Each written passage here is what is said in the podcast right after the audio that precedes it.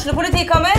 Ine Jansen er purk. Er du purk? The motherfucking bitch. Alt jeg vil, er å finne ut hva som skjedde med mannen min. Jon Carew. Er jeg sikta for noe? Iben Akeli. Det er du. Ole So, Lars Berrum og Big Daddy Karsten. Hvem sin side er du på, egentlig? Anette Hoff, Tone Danielsen, Kommer du fra Afrika? Jørnis Josef, Nesten. Kløfta. Trond Espen Seim, Det er synd å si det, men det var feil mann som døde. Purk. Premiere tirsdag på TV2 Play. Ungsamtalen fra DNB er økonomisk veiledning tilpasset deg som er ung. Bokk en ungsamtale på dnb.no. slash ung. Det er kjempebra hvis du skal inn på boligmarkedet, hvis det er drømmen din, liksom. Det er det du skulle sagt. Og så kunne du ropt litt mer, da, sånn som jeg gjorde. Bam! Åh.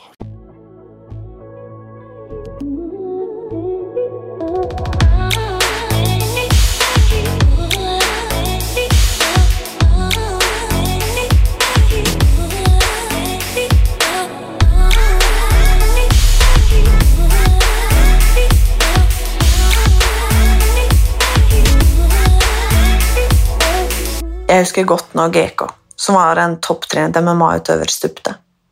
Når han ble lam og havna i rullestol. Stupeulykken endret hele livet hans og har dratt han ned med vann over hodet flere enn én gang. Jeg vil høre historien. Historien om ulykken har mange av oss hørt. Men hva er historien om tiden etter? Fysisk og psykisk. Om kjærligheten. Barn. Sønnen. Jobb. Sex. Livet. Dette er del én.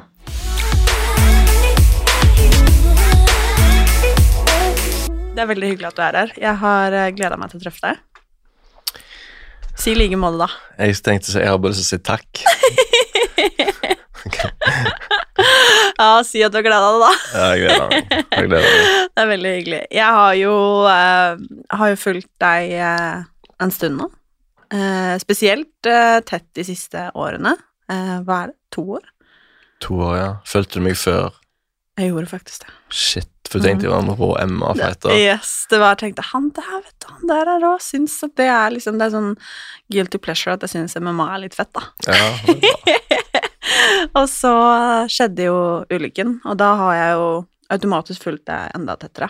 Mm. eh, og din reise. Og nå sitter du jo her, og jeg har jo mange spørsmål om reisen som på en måte har vært, og dine tanker, og alt som alt som har skjedd de to siste årene. Fordi um, For de som ikke vet, orker du å fortelle Hva som har skjedd? hva som har skjedd?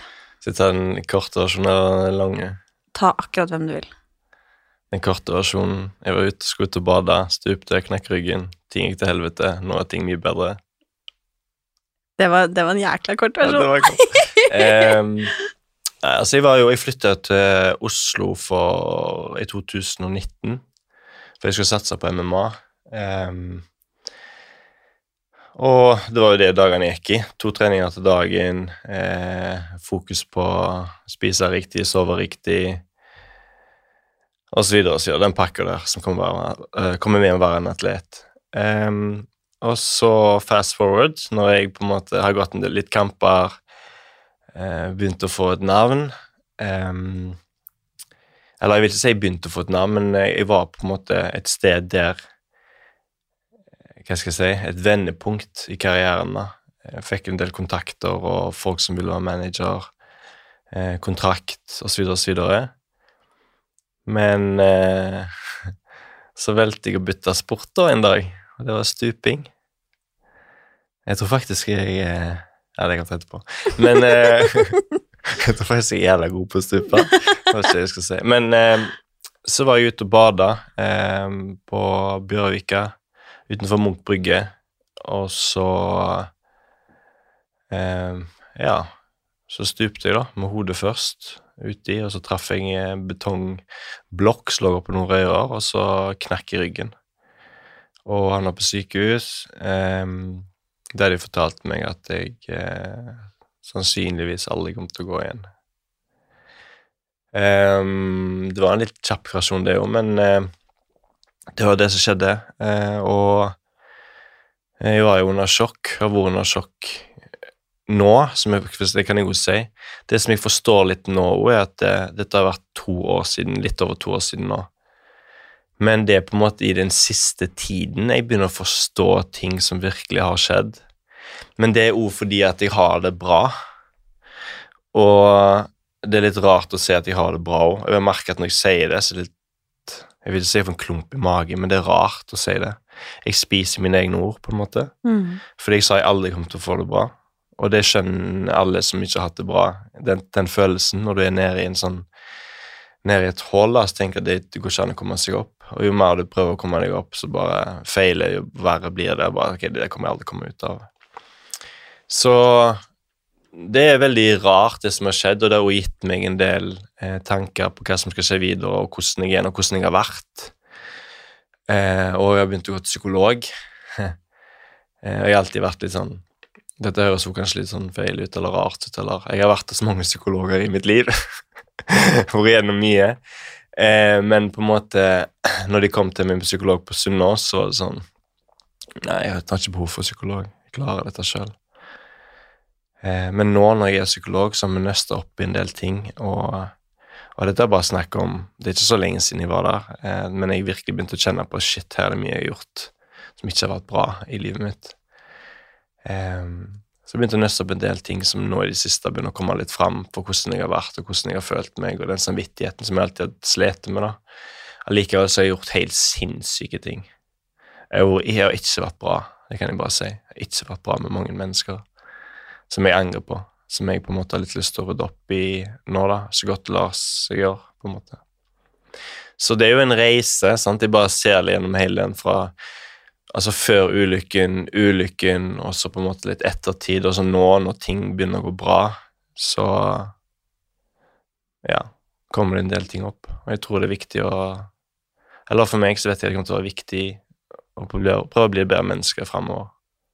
Syns du det er skummelt å ha bra? Eller ha det bra fordi at du trodde at du aldri ville få det bra? For jeg husker det veldig godt også, at du sa Ja. det der at dette kommer aldri til å bli bra. Du vil heller egentlig dø enn å ha det sånn som du har det nå, liksom. Ja, altså jeg har sagt mye sjukt, eh, og mye av det har vært ut av affekt, eller hvordan Altså jeg, jeg har lyst til å si at mye har vært pga. traumen, og det har det jo, men på en måte så vil jeg heller ikke unnskylde mange av de dårlige tingene jeg har gjort pga. Av, av traumen. Men alt har jo på en måte en påvirkning på hvordan en har det. sant? Altså Hvis jeg kommer inn her nå og er litt deprimert eller har opplevd noe sykt, så blir det en helt annen samtale. Det er veldig vanskelig på altså Bare, bare det forteller jo hvordan, hvor mye vi påvirker hvordan vi føler oss.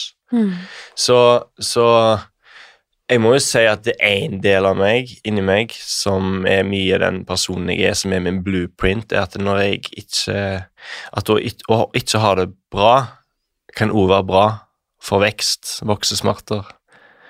Um, så Ja, det er en del av meg som sier hvis hvis jeg ikke har det bra, så vil jeg ikke streve etter å få det bedre. Nei, hvis jeg har det bra, sorry, så vil jeg ikke streve for, å få det bedre. For det er jo det jeg har opplevd i mitt liv. Hver gang jeg har hatt det tøft, så har jeg på en måte gjort lært jævla mye. Men så var det jeg som sa til meg Men skal du alltid ha det vondt, da? Fordi du skal lære hele veien. Og det er jo veldig sant. Det er liksom Jeg skal bare ha noen puster i bak, men allikevel så Mye blanda følelser rundt det å ha det bra og ikke ha det bra, men jeg, jeg kommer nok til å kjempe videre sånn som jeg har gjort. Men jeg var jo helt fanatisk i starten. Da var det bare det det dreide seg om, bare det jeg snakket om. Men jeg vil òg leve og være litt i nåtid, på en måte. Jeg skal ærlig innrømme at jeg syns det er um, skikkelig fint å høre, Mm. fordi at jeg har fulgt reisen så tett som på en måte jeg har kunnet, da. Mm. Og ehm, det har jo vært jævlig mørkt, ikke sant? Ja, det har vært veldig mørkt. Og det jo plutselig, da, at til og med du kunne få det bra, det Mm. er jo faktisk veldig fint å se at, Mm. at i den fucka situasjonen at livet faktisk kan bli bra, da. At uansett hvor jævla mørkt du har det, liksom, så kan det faktisk Man kan plutselig sitte der da, to år etterpå og si at shit, jeg har det bra, liksom. Det er, en- det er skikkelig, skikkelig fint. Ja, det er det. Det er jo Det er digg å ha det bra. Mm, det er så sjukt digg å ha det bra. Ja. Men det er òg faktisk jævla digg å ha det dritt. Ikke i øyeblikket, men etterpå. Fordi jeg tror mye av smerte setter i gang en del prosesser. Altså, jeg må tenke mye gjennom ting. Når du har det bra, så er det ikke alltid en tenker gjennom ting. Og det skjønner jeg òg mye Når jeg flytta til Oslo, så var det jo mye sånn eh, Kort fortalt så følte jeg meg fri første gang i mitt liv, og det er jo bare i 2019. Og det høres sykt ut å si at jeg følte meg fri, men det gjorde jeg på en sånn måte at det, det var fokusert på meg sjøl, eh, og ikke så mye på alle rundt meg. Det er feil å si det sånt, men hovedfokuset var liksom meg og min karriere. Tidligere så var det liksom Som sagt, jeg ble ung far, eh, alenefar. Um, og ja, da ble det jo travle hverdager med alt det som er forventa, og eh, det en må gjøre da, som foreldre. sant? Så når jeg flytta til Oslo for å satse, så var det sånn Jeg husker den følelsen vi fikk egen leilighet her, og bare sånn, meg og søsknene flytta sammen, og shit, nå er det liksom det er bare meg. Det er ingen som kan ringe og si 'Hei, kan du hjelpe meg å gjøre det', eller 'kan du gjøre det', eller kan Det er liksom bare meg. Hva faen? Og det, det, det gikk nesten til hodet på meg. Altså, bare tenkt Altså, MMA er jo en sport der det er mye macho og eh, ego. Sant? I'm the best og alt det der greiet. Du hører de samme tingene om igjen på alle intervjuene, alle fighterne, og jeg skjønner det. Det er jo det du må. Så det var mye det, og mye oppmerksomhet som ikke var bra. Det gjør jo noe med egoet sitt, sant. Eh, jeg har lest en bok som heter Power Paradox, og jeg kjente meg igjen i mange av de tingene der. Og Du ser det gjennom idrettsutøvere som på en måte alltid chaser adrenalin. Når de er ferdig med karrieren sin, så driver de med andre ting. Sant? Kanskje kokain. Kanskje liksom Så det er liksom eh, Å gå fra det til å bli så ydmykt Hva skal jeg si Til å havne i rullestol, på en måte. Det er en sinnssyk eh, forandring. Altså Ja. Dette er et veldig rart spørsmål, mm. og sikkert et vanskelig spørsmål, men med tanke på det du sier nå, den reisen som har vært de to siste årene, mm. er du Takknemlig? Ja for at det på en måte har blitt som det har blitt. Eller glad er liksom et feil ord, for jeg skjønner at selvfølgelig velger man jo ikke dette, men på tross av alt, da, når det først er som det er. Jeg husker jeg skrev ned, eh, for jeg skrev ned en del ting um, på Sunna og når jeg kom hjem, og sånt, så var det veldig deilig å skrive ned tankene mine, fordi du vet, tenk alt vi gjør, input-output. Ofte er det bare output. Du tviler på liksom, Det er sjelden sitt sitter foran speil og snakke til seg sjøl. Eller på en måte gå rundt og snakke til liksom, og, Men tenke det, men det er heller ikke output. Det å få det ut, så det å skrive er liksom virkelig noe jeg eh, Som har hjulpet meg. Og da skrev jeg en av de tingene, så skrev jeg at eh, jeg eh, håper at eh, en dag, og jeg tror en dag, så kan jeg se tilbake på dette og være takknemlig for alt. For det har jeg vært med alle andre ting jeg har vært igjennom. Og det er ganske mange sjuke ting som når jeg var i det, så er det sånn Dette skulle jeg ikke ønske jeg opplevde. Men nå er jeg glad for alt. Alt jeg opplevde, er jeg glad for. Og um, Så ja, jeg kan jo se at jeg er takknemlig for mange ting. Jeg, første tingen jeg kom på, hadde ikke dette skjedd, så hadde jeg ikke vært med hun jeg er sammen med nå. liksom, og Og sånn er det jo litt med alt, butterfly-effekten, på en måte. Mm. At hvis du ikke gjør det, hvis du ikke tar den venstre svingen, eller hvis du ikke stuper og knekker nakken, eller ryggen, mener jeg, så, så er ikke det liksom Og det er veldig viktig å tenke på, um, egentlig for alle. Hvorfor en er der en er, kanskje pga. at du gjorde en feil ting tidligere i livet. At liksom ikke alt skal være sånn, og gjøre alt korrekt, fordi jeg tror feil Eller jeg vet at feil og smerte gjør at en vokser, hvis en velger å vokse på det, selvfølgelig. Eh, men òg kan gjøre at noe blir bra i framtiden. Det er derfor jeg syns karma er en litt vanskelig ting å si, fordi mange liker å si ja, instant karma eller karma eller Men hva er egentlig karma, da? Altså Hvis jeg stuper og knekker ryggen, var det karma for jeg har vært en drittsekk i livet mitt? Eller har vært stygg med folk jeg er glad i? Eller er det egentlig liksom Eller kan det bli eh, noe som blir, er kjempebra i framtiden min? Skjønner du? Mm. Så det er litt sånn vanskelig akkurat det å tenke på hvordan det faktisk karma er. eller hva det er. Så det er en annen ting jeg har tenkt på. da. Mm. Skjønner at du har hatt mye tid til å tenke? Jeg har hatt så jævlig mye tid til å tenke, fordi jeg har så sinnssykt mye satans mye energi, og så bare Nå er jeg låst fast i en fucking stol, og da liksom Normalt tok jeg meg en joggetur eller gikk og sloss med noen på treningssenter, liksom. Eh, og da mener jeg MMA, altså ikke bare slåss med random på sats. Selv om det Det hadde hadde vært noe. hadde vært fett. Men eh, jeg liker å slåss. Men, eh, men eh, Så nå har det blitt en del tanker og mye lesing og mye research på forskjellige rare ting. Mm. Alt fra hvordan en skal manipulere mennesker, til hvordan en skal bli et bedre menneske, osv. osv. Men du var jo en versjon av GK, på en måte, før dette skjedde. Mm. Um, hvordan har ting endra seg fra da til nå? Altså sånn åpenbart, du sitter i rullestol, men hvordan har livet forandra seg? Har du mista venner? Har du fått venner? Har du hva, hva bruker du dagene dine på? Hvordan har du liksom Du sier jo litt at du har blitt et bedre menneske på veien her, men hvordan har liksom rammen i livet ditt endra seg? Hvordan er det å plutselig være pappa i rullestol kontra på treningssenteret, liksom? Altså hvordan Hvem er du nå? Det er det som er litt av På en måte så tror jeg vi Altså, identitet er jo ofte det en på en måte forbinder med det en gjør. Men jeg føler jo og mener, og ut ifra sånn, altså, sånn som jeg oppfatter det, fra det jeg har lest, så er jo på en måte identitet enda dypere egentlig. For hva er du uten sporten din? Eller hva er du uten podkast og influencer life, eller whatever? Hva er du egentlig?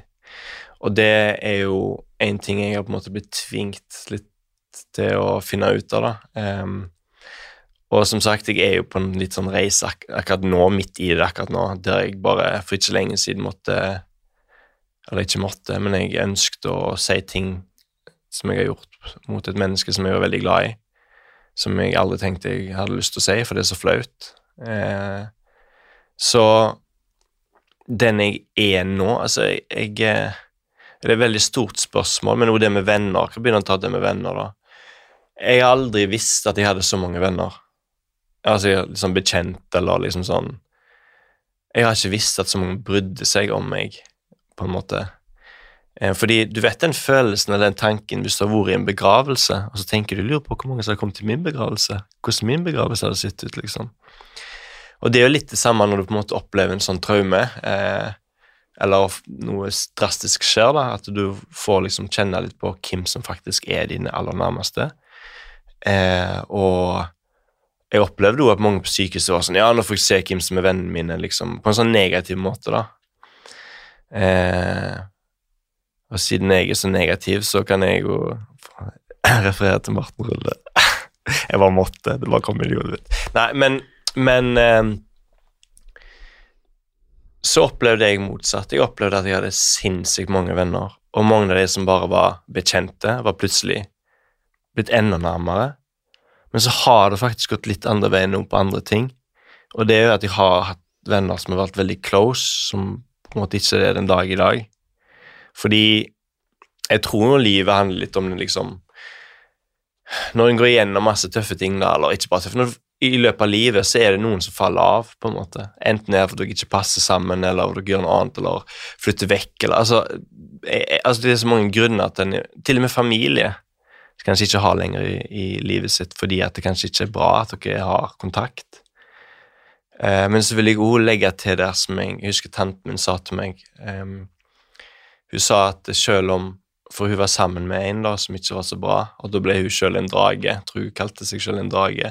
Så husker jeg hun sa til meg, og da var jeg ganske liten, at selv om jeg har vært et dårlig menneske, så betyr det ikke at jeg er det. Det er bare fordi at eh, jeg ikke har hatt det så bra med den jeg har vært sammen med, så har jeg fått fram det verste i meg. Og da ikke bare det verste i meg når jeg er med den personen, men i livet. Altså sånn, fordi jeg var sammen med den personen, alltid gått rundt og hatt det sånt. Og det er veldig godt sagt, fordi med en gang det ble slutt hos, så ble jeg, fikk jeg tilbake den gode tanten min som jeg alltid hadde hatt, på en måte.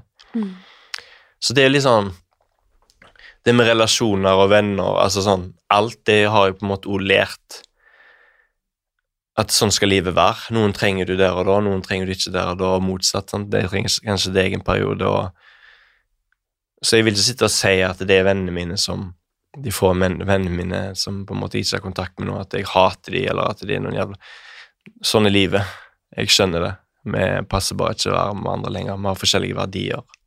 Og kanskje det er verdiene som var viktigst Og de kvalitetene var viktigst for meg når jeg var i den drømmen nå, eller i, etter skaden min. At de kom litt mer fram da. At Da var det kanskje en, en kompis som var veldig close. Han hadde ikke de, på en måte. Det betydde ikke noe oppmerksomhet på Insta og alt det så mye lenger, på en måte. Mm. Jeg vet ikke hvorfor jeg sa noe. Jeg bare så for meg noe, masse energi, høy musikk i bilen og bare du, du. Liksom, Det var liksom det som var kult og fett da, men nå liksom livet er annerledes igjen. Mm. Men sånn er det jo litt på generelt grunnlag. Livet skjer jo, og man vokser og forandrer seg, og eh, rullestol eller reif, på en måte. Det er jo liksom sånn eh, Noen ganger så Jeg er en av de som tror at alle mennesker kommer inn i livet ditt av en grunn, liksom. Eh, enten for at man skal lære noe, eller for at de skal være der for alltid, eller altså sånn Det er forskjellige grunner. Um, Og det er litt den derre, som du sier, at man får høre, da, hvis det skjer noe, eller man opplever noe, og som du åpenbart har sikkert hørt mye, den derre 'nå får du se hvem vennen din egentlig er', liksom. Um, og det er sånn Jeg vet ikke om det er fakta eller ikke, hvis du skjønner hva jeg mener. Jeg syns det er vanskelig å vite, og derfor lurer jeg litt på om du har, har liksom Stemmer det, eller stemmer det ikke? Hva syns du? Altså, jeg føler sånn Hva Om du får vite hvem som er vennene dine? mm? Ja, fordi at når du er i en krise, så, har du, så kjenner du mer på hva du har behov for, og hvem du faktisk Det blir feil hvem du faktisk er, men det, det blir på en måte en reise om å få det bedre, og da trenger du kanskje de viktige tingene i livet, og ikke alt det overfladiske. Og så tror en ofte at overfladiske ting er viktig, men så er det er ikke det jeg trenger å være det for deg, hvis du skjønner hva jeg mener når jeg sier det. Så, så på en måte Det stemmer nok. Jeg, jeg vil påstå det, at eh, når du opplever noe sånn som det, så vil du se hvem som står på godt og vondt. Eh, ja. Mm. Jeg vil gjerne snakke litt om den reisen som har vært, altså sånn rent hva som faktisk har skjedd. Um, for du uh, Du stupte jo. Mm. Eh, det gikk til helvete. Mm. Uh, du ble lam. Du havna på sykehus. Em, husker du hva det første du liksom tenkte var, når det skjedde? Når jeg stupte? Altså, ja, tenker du når kom du opp, kjente eller? at dette gikk til helvete, på en måte? Eh, egentlig når jeg var litt ute i vannet, eh, og det var kaldt, og så husker jeg at en kompis min sa sånn at, For jeg sa sånn Jeg kjenner ikke beina mine, jeg kjenner ikke Og så sa han bare det er fordi det er kaldt. og så tenkte jeg bare sånn Jeg vet at ikke det Altså, jeg svømmer under isen, liksom. Jeg vet jo hva kaldt det så jeg vet at det, det er noe som ikke stemmer. Men så var det litt sånn Jeg klarer ikke å forklare det, men jeg det er på en måte at de falt litt ut av bevisstheten, på en måte, altså hva som faktisk var reelt, for det var så dramatisk, da. Eh, for det er noe jeg alltid har vært redd for, og som sagt, som jeg har sagt før, at eh, rett før ulykken så spurte jeg hva jeg hadde gjort hvis jeg hadde blitt lam, og da sa jeg at jeg hadde skutt meg sjøl, og det var bare noen par uker før ulykken min, liksom. Og så ble jo lillesøstera mi lam jeg, for mange år siden. Eh, Jeg fikk en sånn der en, eh, sykdom, Guelan-Barré, eller hva det heter for noe. Og så husker jeg når hun Dette er mamma som fortalte meg at hun husker hvor sinnssykt sånn prega jeg var av det. Jeg besøkte henne mye på sykehus. Jeg var liksom veldig på, da, fordi jeg bare kunne liksom, Det var min største frykt. sant? Jeg sa det selv da jeg var liten til mamma, at jeg vil dø hvis jeg blir lam. Um, så Egentlig så har det vært mye sånn berg-og-dal-baner i helvete. Fordi jeg har vært i helvete etter stupet. Uh, så det var på en måte Noen dager var bra i helvete, noen dager var, var dårlige. Veldig dårlige. Så eh, jeg tror nok på en måte gikk litt mer opp for meg hvor alvorlig det var når, som, når liksom ortopeden kom inn der med den hvite frakken og sa at jeg aldri kom til å gå igjen. Da gikk det opp for meg, og da, det som også gikk opp for meg, var at det liksom Det er så slitsomt å være tøff. For når hun sa det, så tenkte jeg bare sånn Men jeg skal gå igjen. Altså sånn, Det kommer til å skje. Om jeg så skal gjøre det sjøl, eller om teknologien redder meg, det kommer til å skje. Så de som sier at du må forberede hele livet ditt på rullestol, de kan bare dra seg til helvete. Og det mener jeg ennå. Eh, skal aldri ta fra noen håpet, uansett. Men eh, Ja, det har jo Jeg har jo Jeg sitter jo her, jeg skjønner jo alvoret. jeg, skjønner, jeg skjønner jo at eh, Men jeg kan også si at jeg ennå har øyeblikk der jeg ikke forstår at jeg er Jeg liker ikke å se lam, men at jeg er skada. At jeg på en måte ikke kroppen fungerer sånn som den gjorde før. Det, bare ei uke siden, eller sånt, to uker siden, så eh, begynte jeg bare å gråte fordi at jeg fikk en sånn sorgfølelse over meg. bare noe liksom Jeg så beina mine. Jeg jeg, var når jeg skulle stå opp, så lå liksom foten min sånn rart. bare sånn hva faen, Jeg har ikke kontroll. De ser så fucka ut. Jeg har ikke kontroll på mine egne bein. Kroppen bare henger. Han er død, liksom. Han er ikke død, men det føles sånn. Så det er nok noe som alltid kommer til å chase meg. på en måte det at jeg, Eller alltid, alltid, vil jeg ikke si, men det vet jeg ikke. Men eh, ja. Hvordan var det da å skulle på en måte ta fatt på livet igjen? For du har jo vært i en lang behandlingsprosess, det har vært tilbrakt mye tid på Sunnaas og prøvd eh, I hvert fall mitt inntrykk, det meste som er å, er å prøve hittil. Um, hvordan var det da å på en måte komme hjem, skulle gjøre helt vanlige ting som å, du vet, lage middag, du skulle dusje, du skulle legge deg, du skulle Du har jo åpenbart fått deg dam på veien her. Mm. altså sånne ting, liksom. Hvordan var det å måte skulle ta fatt på livet når det er så snudd opp ned på hodet? Altså Det var det første som kom opp i hodet mitt, at alt har vært en kamp, på en måte en sånn obvious, men på en måte så er det Sånn som du sier, det er bare dusj, for eksempel. Før så var det bare å løpe inn i dusjen og liksom skrubbe seg og løpe ut igjen. Men nå er det liksom nesten sånn at jeg må planlegge den i hodet mitt. Ok, det og det og det. Ok, Når, jeg skal dusje nå, så krever det så mye mer. Terskelen er på en måte Det er alltid en sånn Ok, jeg må inn og dusje.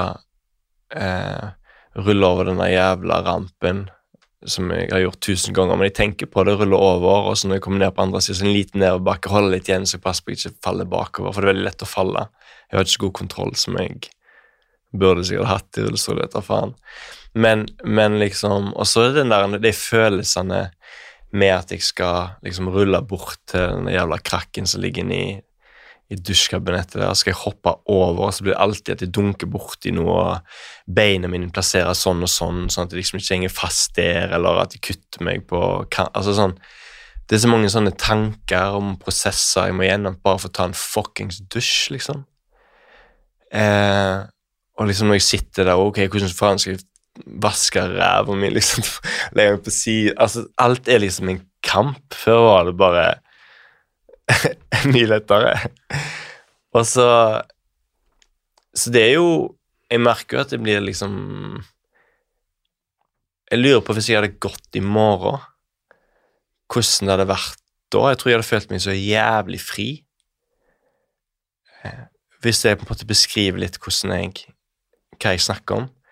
Fordi alle, Da hadde jeg ikke tenkt på alle disse tingene. Jeg hadde bare gått rett inn over den kanten inn til badet, og jeg hadde ikke tenkt på hvordan jeg skulle flytte meg over på den krakken. Det bare gått, altså, Alle tingene jeg ikke tenker på normalt, tenker på hele veien. Bare å komme inn her, for eksempel. Hvordan, ok, Noen skal bære meg, hvem er det som skal bære meg? Hvordan, hvordan ser det ut? Hvordan er det for deg? Hvordan er det liksom, er det ikke litt rart? Og bare alle disse tankene som bare går gjennom hodet ditt, på en måte. Mm. Som egentlig normalt ikke er der når jeg håper å si når jeg er et normalt menneske, men eh, når han har en normal funksjon, da. Det blir mer riktig å si. Mm. Så det var rart å komme tilbake til livet, og jeg merka jo utfordringene, og jeg hater å ha sperrer i livet mitt, eller ting som på en måte Jeg liker utfordringer, men jeg har aldri likt den der eh, å ha begrensninger. Jeg har alltid bevegende veldig fritt, og alltid liksom face ting jeg var redd for. Hvis jeg hadde høydeskrekk, så endte jeg opp med å hoppe fra 25 meter. Okay, da hadde jeg ikke høydeskrekk, for jeg hoppet jo 25 meter. Men nå er det jo liksom Det er håper jeg si sperrer, men det er begrensninger hele veien. Så sier folk til meg ja, men herregud, du kan gjøre alt det samme, han bare i rullestol. Ok, men når heisen ikke funker, da, hva gjør jeg da? Du ser at alt er det samme, men det er ikke det. Sånn er det bare. Og jeg har tenkt gjennom jeg har tenkt hvordan, hvorfor, hva. Jeg har gått gjennom alle de tankene. Så det er ikke det. Ja, det er annerledes til rullestol, og liksom, du kan ha bra liv i rullestol, men det er ikke så lett som det, som det var før. Uansett hvor mye de prøver, liksom, og seg sier de, så er det mange av de som har vært i stol mange år, som liksom forteller meg hvordan livet er. Men de kan ikke sammenligne seg sjøl med meg. Det går ikke. Og hvis du har blitt født rullestol, så kan du iallfall ikke sammenligne med livet jeg hadde. Og så vet jeg at folk kan bli provosert på måten jeg sier det på. Men jeg hadde en diskusjon med en fyr etter Morten Rulle, da, så var det en som skrev til meg, og han virka veldig reflektert, eh, så han eh, diskuterte litt mer. og Da sa jeg det er en ting jeg ikke har tør å si helt, men jeg har lyst til å si det for det. Og det skal jeg si nå. Og det er det at så Så du deg at du tar og fanger et dyr som har levd hele livet sitt fritt, hiver den i fangenskap. Så tar du et annet dyr som ikke har levd så lenge fritt, men hiver den i fangenskap. Og så tar du et, et dyr som ble født i fangenskap. Hvem er det som klarer seg best? Hvem er det som klarer å tilpasse seg raskest? Altså, alle, alle, skjønner jo, alle skjønner jo svaret. Det er selvfølgelig det som ble født opp i fangenskap. Den vet jo ikke noe annet. Så har du den som blitt hevet inn etterpå. Den vil jo kanskje klare det, men den som har levd fritt nesten hele livet sitt, den vil nok slite mye mer. Og så er det sånn Du skal ikke sammenligne oss eller folk med rullestol, men det er bare en tanke, refleksjoner rundt hvordan jeg sjøl føler.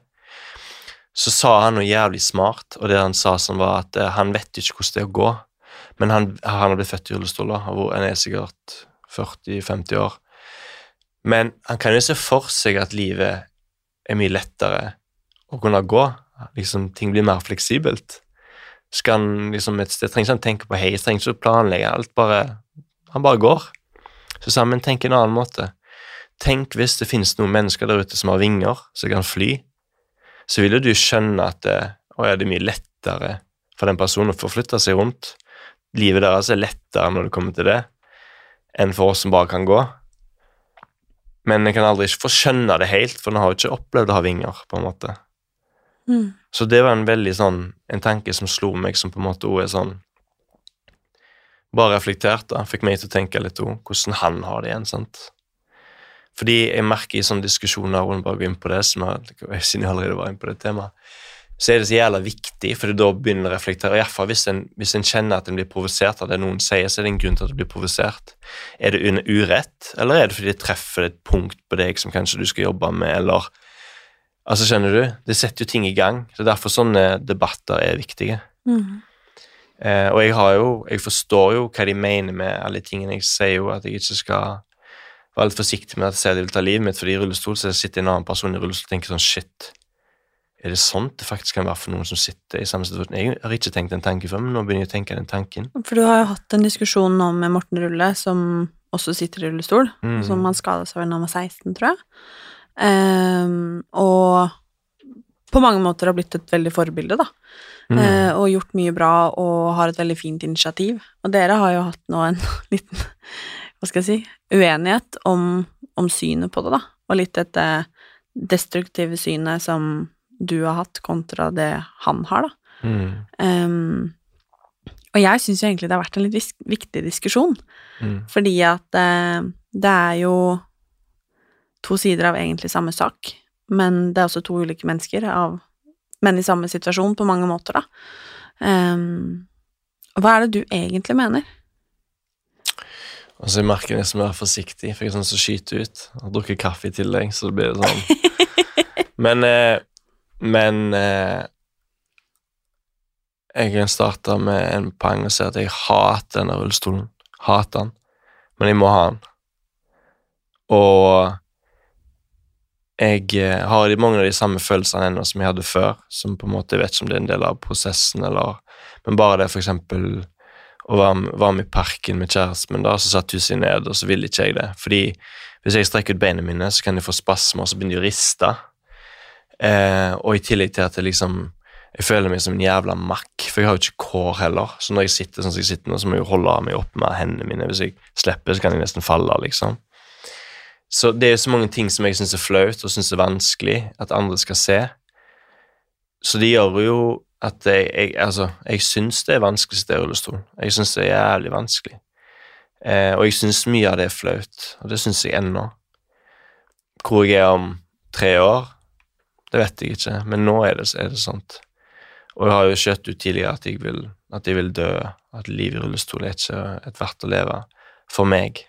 Jeg har aldri sagt for noen andre, jeg har sagt for meg. Utover mitt utgangspunkt, utover mitt livssyn, utover hvordan jeg har identifisert meg sjøl, hvordan alle mine planer, alt, har vært bevegelse.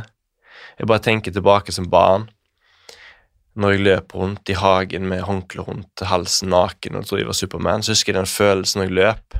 Jeg husker jeg følte meg så jævlig rask. Jeg husker bare sånn, Det var en deilig følelse.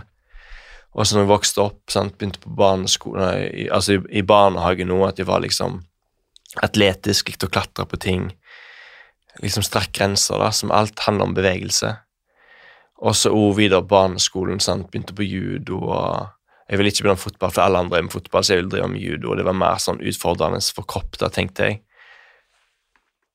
Og bare tenk hvordan jeg på en måte alltid har levd, hørt at de var flinke og du så talent. Hvis jeg, var med, hvis jeg begynte på fotball senere, da, så var jeg liksom en av de beste i klassen. var den raskeste, sterkeste og alt det der greiene. Det gjør jo noe med en at identifiserer seg med eh, bevegelse, i tillegg til den følelsen jeg fikk hver gang jeg mestra en ny teknikk eller en ny bevegelse. Slå hjul, slå hjul andre veien, stå på hendene, backflip fra veggen. Så hvis jeg på en måte da skal beskrive hvordan det på en måte har vært for meg, så er det jo det at alt jeg har gjort i hele mitt liv, har dreid seg om bevegelse. Alt. Hvis jeg gikk tur i parken som voksen, som mange liker å si, fornuftig liker jeg å si, eh, altså som far, så var det jeg som balanserte på steinen. Det var jeg som klatra i trærne, så dro jeg med meg sønnen min. Her ble han med, liksom. Og senteret jeg bygde opp, treningssenteret, jeg hadde timer fordi at jeg ville liksom lære andre MMA og selvforsvar til jenter osv. osv. Og så flytta jeg ut til Oslo for å satse på en sport som er altså MMA, som er bare bevegelse.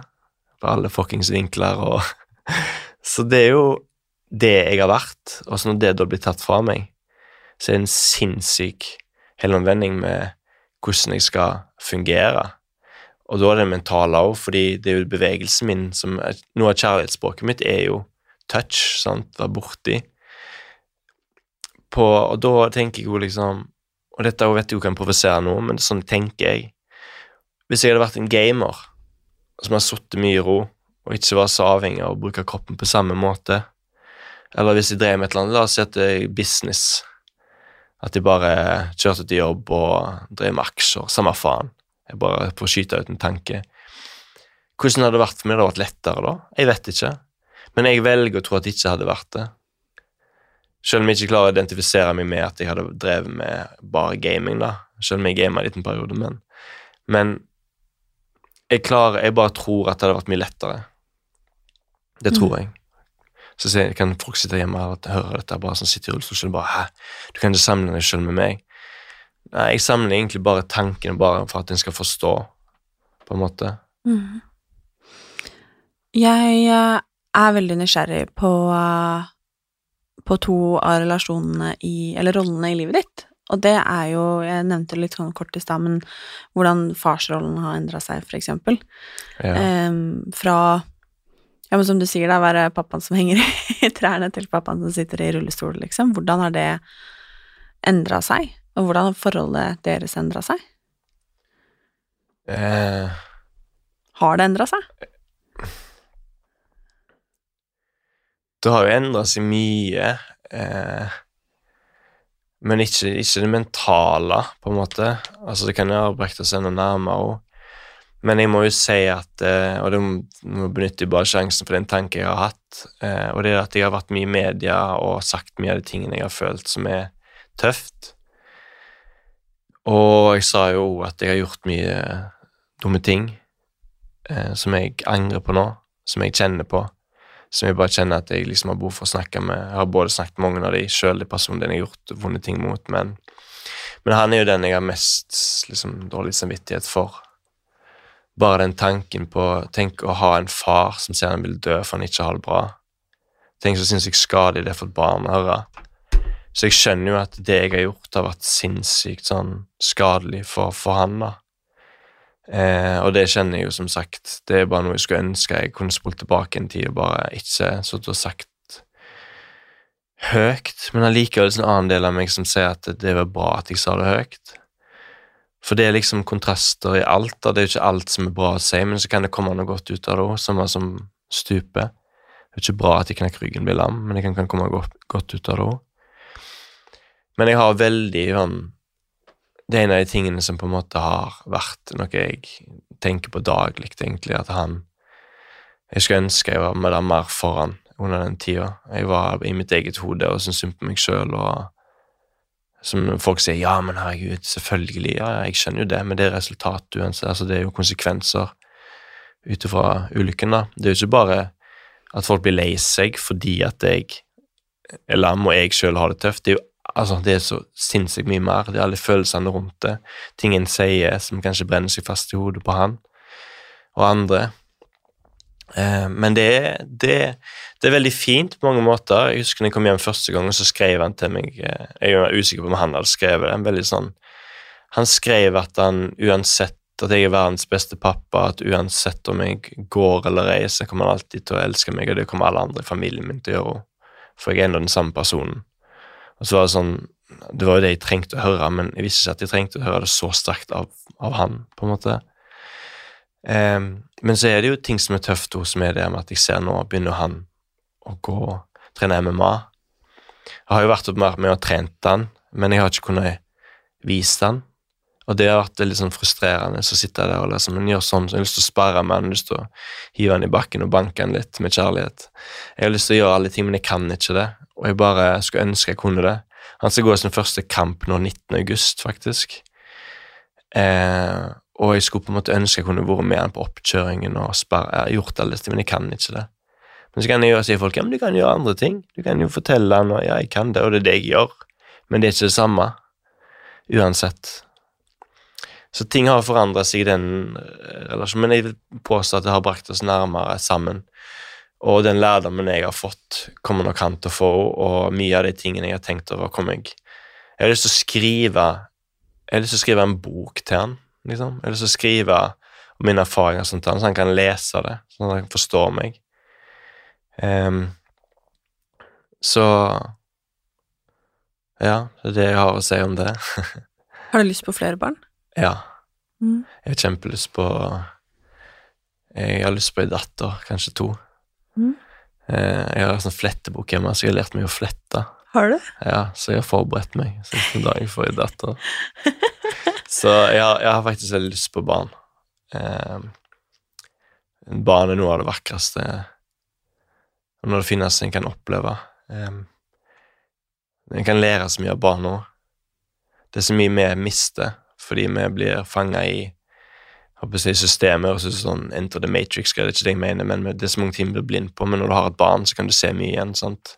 Enkle ting som når du holder, jeg bruker parken, for jeg har gått mye tur i parken med sønnen min. Eller i skauen. Holder han i hånda, og så går vi, og så ser han i bia, så er han helt fascinert av den byen, og den bya. Lander på en blomst, og hva han gjør der? og liksom går helt, ser alle detaljene. så er det sånn, Mens vi som har vokst opp og har sett verden rundt og sett alle disse vakre tingene, det er blitt en selvfølge. Så vi bare går videre. Så en, en, liksom, en lærer mye nåtiden av barn da, som vi trenger, som blir ødelagt av som små sjøl. Så bare tenk å begynne på, i barnehagen eh, og lære alle de sosiale ferdighetene våre i grupper, og så går du på barneskolen, og så er det der Husk at du må jobbe, gjøre leksene til du blir flink, sånn at du, gode, at du kan få gode karakterer, du kan bli hva du vil. Liksom Ser ut vinduet, kommer læreren bort og tar hodet ned i boka og sier ja, du må lese. Og så liksom, også en dag blir en voksen, så er det sånn Jeg sliter med å leve i nåtiden. Ja, hvorfor faen tror du du sliter med å leve i nåtiden? Du har lært at du alltid skal tenke framover. Karakter og jobb, barn, bil, hus, alt det der. Det er så rart alle sliter med å leve i nåtiden. Så det har du, får du mye av barn. Så det er mye av En kan lære så satans mye av å bare observere et barn, og være med et barn, liksom, og se verden. Hvorfor ønsker du deg en datter, eller to? Jeg har jo en gutt, da. Så nå har jeg en som kan passe på dattera mi. Han driver med maraton i tillegg, så det blir lettere å være pappa til er datteren nå. Iallfall når jeg er i rullestol, så kan jeg ikke fære rundt og banke folk lenger. Um, men, men eh, jeg vet ikke. Jeg har bare lyst, jeg har lyst på ei lita datter. Jeg skjønner det. Ja, skjønner det. Jenter er jo jævla bra. Ja, jenter er bra. Det sterkeste kjønnet. Men uh, den andre relasjonen jeg er litt nysgjerrig på, det er jo kjæresten din.